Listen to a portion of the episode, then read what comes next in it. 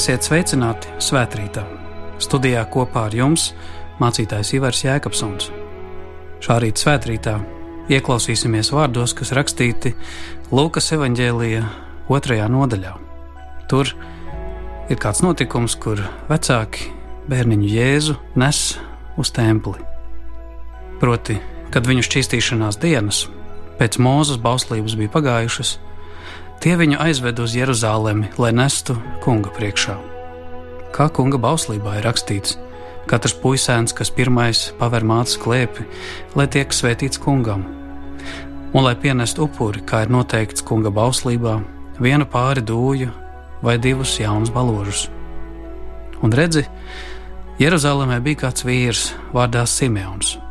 Un šis vīrs bija krietns un dievbijīgs, viņš ilgojās pēc iepriecinājuma Izrēlam un svētais gars bija pār viņu.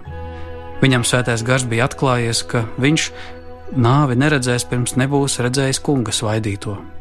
Un gara vadīts, viņš ienāca templī, un kad vecāki ienesa bērniņu jēzu, lai izpildītu pie viņa bauslības parašu. Tad viņš ņēma to savās rokās un, slavējams Dievu, sacīja: Tagad atlaid kungs savu kalpu mierā, kā tu esi sacījis, jo manas acis ir redzējušas tavu pestīšanu ko tu esi sataisījis visu tautu priekšā, gaismu, kas atklāsies pagāniem un godību Izrēlam, tavai tautai. Bērna tēvs un māte brīnījās par to, kas tika sacīts par viņu. Un Simeons viņus svētīja, un sacīja Marijai, viņa mātei: Redzi, viņš ir likts, lai daudz Izrēlā kristu un daudz celtos, un par zīmi, kam runā pretī. Bet tev pašai caur dvēseli zobens dursies, tā ka atklāsies daudz siržu domas.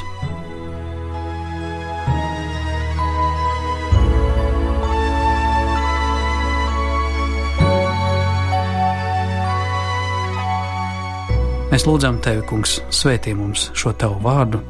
Tavs vārds ir patiesība. Āmen!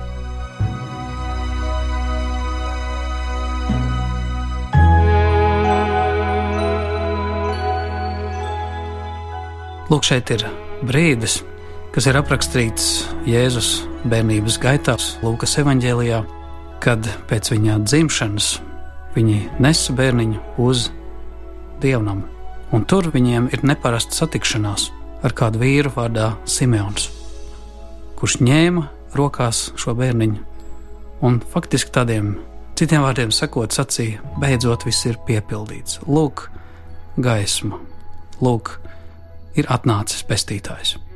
Tagad varu mirt, tagad varu iet mierā. Interesanti ir, kad mēs paņemam rokā kādu bērniņu, tad iespējams, ka mēs redzam vecāku līdzību vai redzam kādas īpatnības, bet ļoti bieži tieši paņemot bērnu, kuram dzīve vēl ir priekšā, cilvēki mēdz redzēt kādu nākotni, kas viņš būs, kāda izvēle, kāda dzīves misija vai aicinājums. Lūk, Simeons redz šo dievdēla misiju jau pašā sākumā, pie Jēzus personas, paņemot viņa rokā vēl kā mazu zīdainīti. Man tas atgādina kaut ko līdzīgu, kā kādā žurnālā reiz bija atrodams reklāmas pielikums, kas solīja kaut ko ļoti, ļoti, ļoti labu. Tāds košs, krāsains buklets, aizstošā veidā stāstīja par kādu īpašu grāmatu, ko vajagot izlasīt katram. Grāmata kas ietilpst bestselleru sarakstu virsotnē, piedāvā atbildes uz to, ko daudz cilvēku gribētu uzzināt. Un tas ir, kā tu vari iemācīties būt laimīgs. Man liekas, ka turot rokā šādu mazu laimes vēstnesi, šādu reklāmas bukletiņu, tu jau vari sajust atblāzmu no tā, ko sola tā reklamētā grāmata. Un šķiet, nu, par attiecīgu samaksu šī solītā laime var nonākt tavās rokās, Un, protams, protams, nopirkt grāmatu var kurš katrs, bet labums no grāmatām nāk tikai lasot, iepazīstot saturu, mācoties un smeļoties iedvesmu savai dzīvei. Un, iespējams, turot rokā šādu mazo jēzu, arī Simeons jau redz to nākotni, kas tiek solīta, to nākotni, kas sāk piepildīties, kaut kas īpašs, kas katrai dvēselē ļaus piedzīvot gaismu, kā kļūt brīvai, laimīgai. Diemžēl tajā reklāmas bukletā pie žurnāla Tā grāmata, kas tika reklamēta, nebija Bībele. Bet kāpēc gan tā nevarētu būt Bībele, par kuru mēs tik daudz, varbūt vairāk vai mazāk cits zinām? Bībele, kas stāsta par Jēzu, Bībele, kas patiesībā tiešām ir visvairāk pārdotākā grāmata pasaulē, kuras tirāžas un tirzniecības apjomu pārsniedz pat visas pārdotākās grāmatas saņemot kopā. Protams, no katras grāmatas var ko iemācīties, pat no jokiem un pasakām, taču šobrīd mēs visvairāk rokās šādu bērniņu jēzu varam paņemt tieši atverot Bībeles lapus. Kamēr netrūks pasaulē skeptiķu un apgalvotāji, kas saka, ka tā ir maldīga, tā ir novecojusi, tomēr ielūkojoties dziļāk, iepazīstot ne tikai tās saturu, bet arī tās autoru, mēs ieraugām, ka tā nes sevī visdziļākās, patiesākās vērtības, kas tiešām cilvēkam ļauj kļūt laimīgam un brīvam un piedzīvot dzīvē svētību. Jā, Bībele mūs iepazīstina ne tikai ar to, ka cilvēks var kļūt brīvs un laimīgs, bet iepazīt ļauj pašu tās autoru, pašu šīs laimes avotu un pamatu - Dievu Dieva dēlu Jēzu Kristu, kas par mums miris un augšām cēlies, un viņa nozīme mūsu dzīvē. Un es gribētu teikt, manuprāt, gandrīz visas, turpat vai ievērojamās personības, savas veiksmes un laimes iedvesmu ir smēlušies tieši šajā grāmatā, Bībelē, kas liecina par Jēzu, pasaules pestītāju. Un tas ir līdzīgi, kā vecais sirmais Simeons toreiz paņēma rokās bērniņu Jēzu un nu viņš arī varēja sajusties laimīgs un sacīt: Nu, tavs kalps var iet mierā. Tu esi sacījis, manas acis ir redzējušas tavu pestīšanu, ko tu esi sataisījis visiem cilvēkiem. Ja mēs šeit, šajā notikumā, varam tuvoties šai vīzijai par Jēzu, ko saredz Simeons, un varam uzdot jautājumu arī sev, kā būtu man, ja es šādu bērniņu jēzu turētu rokā, un ja es atvērtu grāmatu, kas stāsta par šo bērniņu jēzu, proti, Bībeli, un noliekot malā dažāda veida pirmās cilvēcīgās izjūtas, būtu labi ļaut dieva gara vadībai norimties manā dvēselē un ļaut ieraudzīt, kas patiešām tur ir sacīts. Mēs varētu sacīt, ka ienest bērniņu baznīcā, Jēzu ienest baznīcā, toreiz dievnamā, mēs patiesībā varam piedzīvot to, ka Dievs atnāk tik mazā bērnā un atnes tik lielas lietas. Dievs atnāk tik niecīgā cilvēkā, kurš vēlāk izaug liels, un viņa mūžības noslēpums izpaužas caur šo cilvēku. Nezinu, kā toreiz bija, kad Jēzus ienes templī, līdzīgi varbūt šodien, kad kāda ģimene atnāktu ar bērnu uz baznīcu, Varētu likties, ka šis bērns rada kādu troksni, pāri svētcenīgajam klusumam, un iespējams nav brīnums, ka mācekļi vēlāk arī bērniem liedz tuvoties Jēzum, kad viņi aizliedz tiem. Argumenti var būt visdažādākie - par mazu vai nesaprot vai traucē, taču Jēzus bērniņus pieņēma un sacīja: Laidiet bērniņus pie manis, neliedziet tiem, tiem pieder Dieva valstība, un viņš tos apkampa, rokas tiem uzlika un tos svētīja. Arī Simeons ir acīm redzami priecīgs paņemt Jēzu savās rokās, viņš saredz šajā bērnā piepildījumu un prieku, ka dieva apsolījums nu ir īstenojies, ka te ir gaisma visai pasaulē. Un kaut arī tur Jēzus vēl ir tik mazs, tomēr jau ir iesācies jauns laikmets. Kā mazs bērns, kā sinepju graudiņš debesu valstības sāk augt mūsu vidū. Un tas nekas, ka daudz kas vēl ir un vēl varbūt līdz pat pasaules galam daudz dzīvēs būs pa vecam. Tomēr mēs jau tagad kopā ar Jēzu dzīvojam starplaikā, starp pasaules radīšanu un tās krišanu, un uz jaunu debesi un jaunu zemi. Katru dienu kopā ar Jēzu mēs augam un tuvojamies laimes, svētības un mūžīgās dzīvības noslēpumam, kas dod pilnīgu pestīšanu, grēku piedošanu Kristū. Simeons ilgi gaidīja šo iepriecinājumu, nu tas piepildījās. Simeonam bija iekritusi, ja tā varētu teikt, otrā plāna loma šajā Jēzus dzīves epizodē. Tikai viena diena, visā dzīvē un mūžībā, pašā pašā mūža nogalē, viņam bija dots īpaši priecāties toreiz par pestītāju atnākšanu. Un lūk, tomēr, kaut arī tā bija viena diena, viens mirklis, Simeons bija ietverts dieva plānā, lai pasludinātu patiesību pasaulē. Kā tāda trompete, visa orķestra skandarba garumā ir klusējusi, tā tikai pašās beigās koši ieskanas Jēzus ienākšanas Simeona dzīvē. Simeons bija apņēmies palikt līdz galam uzticams un saņēmis norādi no dieva gara, ka pestītāju redzēšot, viņš ieradās īstajā brīdī un laikā, toreiz dievnamā. Un nu, to sagaidījis, viņš var iet mierā. Līdzīgi kā kādu mazdēlu sagaidījis pie mirēja gultas, kā garīdznieku uz pēdējo grēksūdzi un svaidījumu pirms nāves, kāds cilvēks sagaida, lai var aiziet mierā. Nemaz viegli nesot gaidīt, viegli ir sākt gaidīt, viegli esot priecāties, ka gaidītājs jau ienāk pa durvīm, bet tas grūtākais mēdzot būt pa vidu, kad iet nedēļas, mēneši, gadi un nekas nemainās. Kā nenāk, tā nenāk. Tas varbūt bija līdzīgi kā Ābrahamam un Sārai. Pagāja viss mūžs, līdz viņi 90 gadu vecumā tika pie sava pirmā bērna, kaut apsolījums jau bija dots sākumā. Kur viņš kavējas, kad tev ir 40, 50, 70, 80? Kur kavējas šis mans prieks un laime? Iespējams, arī mums, mūsu dzīvē, raugoties uz šo notikumu, uz šo veco vīru, kurš sagaidīja apsolījumu piepildījumu savā dzīvē, mēs varam redzēt, tādu kā skolu sev pašiem, ka Dievs ir uzticams, ka pat tad, ja šķietam viņš kavējas, pat ja šķiet visa dzīve ir pagājusi, vēl vienmēr Dieva vārds var piepildīties. Lūk, mēs varam tikai raudzīties uz šo notikumu un mācīties ticību un pacietību arī sev.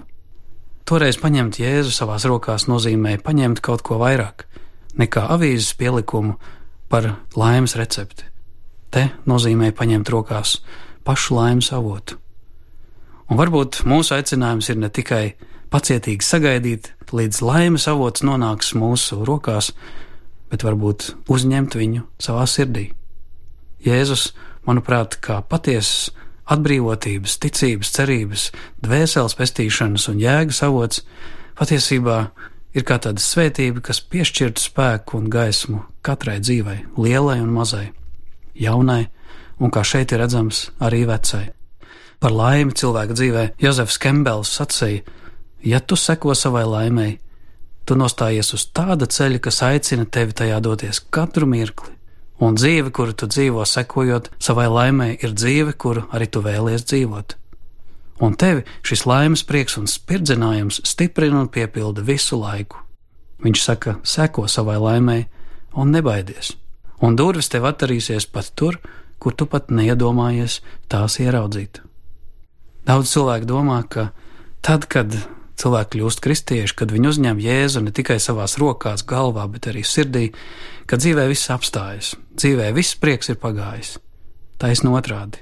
Es gribētu šodien Jēzu salīdzināt ar gaismu dzīvē, ar laimes avotu. Paņemt to rokās, ielaist to savā sirdī, nozīmē iegūt spirdzinājumu katrai dienai lielam un vecam, jaunam un mazam. Jā, tā ir pilnīga laimes sajūta. Tam pat nekā cita vairs nevajag. Kā psalmos 73. psalmā ir sacīts, ka tu esi mans, man nevajag vairs ne debesis, ne zemes. Man paliek mans aplaimotājs, dieva tuvums. Kas dara tevi laimīgu? Vai tie ir kādi apstākļi dzīvē, siltums mājās, vai attiecīgs naudas daudzums, vai kāds garšīgs ēdiens, piemēram, šokolāde. Varbūt tevi mierīgi un laimīgi dara kāds saulrietis pie jūras vai mīļotā cilvēka pieskāriens. Jā, tas ir kaut kas no tām dāvanām, ko mēs saņemam ikdienā, kas nāk, iet, citas paliek ilgāk, citas mazāk. Bet, kad runājam par dvēseles saikni ar pestītāju Jēzu, tad tas ir tas, kas paliek vienmēr. Tā ir tā mīlestība, kas nekad nebeidzas, kas tic, cer, panes un piedod un atpestī. Tā ir tā, kas var pavadīt tev visu mūžu un pat nāvē tevi neatstāt. Simeons tiešām paņēmis šo bērniņu jēzu rokās, paņēma nevis kaut kādu reklāmas bukletu par grāmatu, kas stāsta par laimi. Viņš paņēma rokās pašu laimes avotu. Ilgiem gadiem viņš bija gaidījis un uzticējies Dieva vārdam un gara vadībai, un tur viņš to piedzīvoja. Lai Dievs svētī arī mūs, ka šodien Ieklausoties vārdos, kas šeit atrodam Lūkas evanģēlijā, šajā nu jau aizgājušā sveču dienas kontekstā, kurā tiek runāts par Jēzus ienešanu templī, ka arī mūsu dzīvē, ieklausoties šajā vārdā, atklājas pamudinājums un aicinājums un dāvana piedzīvot gaismu visām tautām, arī mums, kā te ir sacīts. Jā, tu esi sataisījis visu tautu priekšā gaismu, kas atklāsies pagāniem un godību savai tautai. Lai Dievs svētī mūs ar šo gaismu un Dieva klātbūtnes godību Kristus bērnā. Āmen!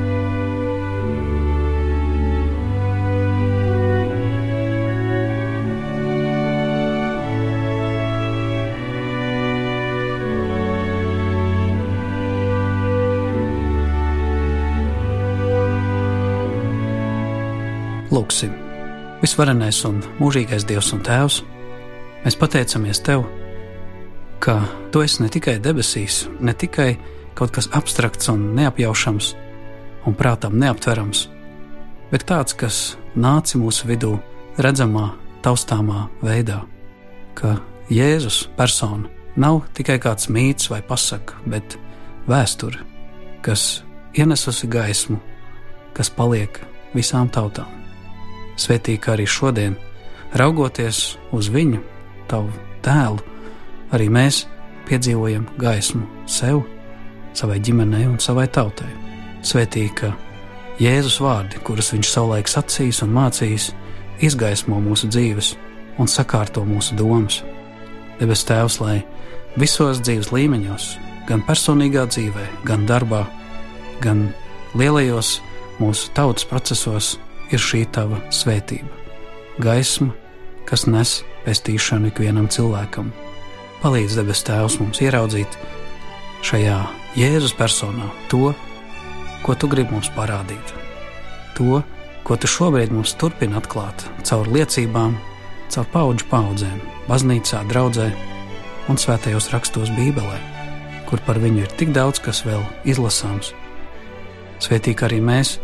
Paliekam ne tikai pie burtiem vai seniem notikumiem, bet ieraugam, ka mēs šo bērnu, mēs šo laimes avotu varam turēt arī savā sirdī - dzīvu, svētu, mūžīgu, patiesu. Visas lietas, ko šodien gribam uzticēt Tev, Kungs, mēs to atnesam un lūdzam Tevi tā, kā Jēzus mācīja svētajā lūkšanā. Mūsu Tēvs debesīs! Svētīts lai top tavs vārds, lai nāk tava valstība, tavs prāts, lai notiek kā debesīs, tā arī virs zemes. Mūsu dienascho maizi dodi mums šodien, un piedodi mums mūsu parādus, kā arī mēs piedodam saviem parādniekiem. Un neievedi mūsu kārdināšanā, bet atpestī mūs no ļauna, jo tev pieder valstība, spēks un gods mūžīgi mūžos. Āmen!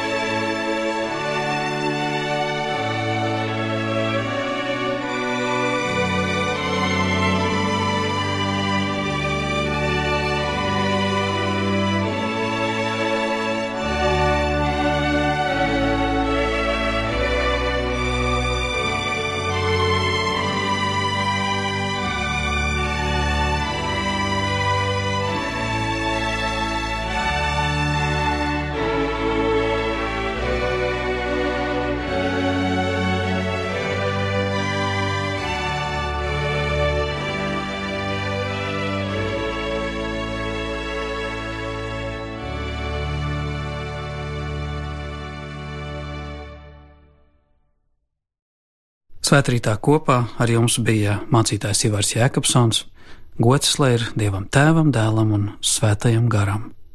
Āmen!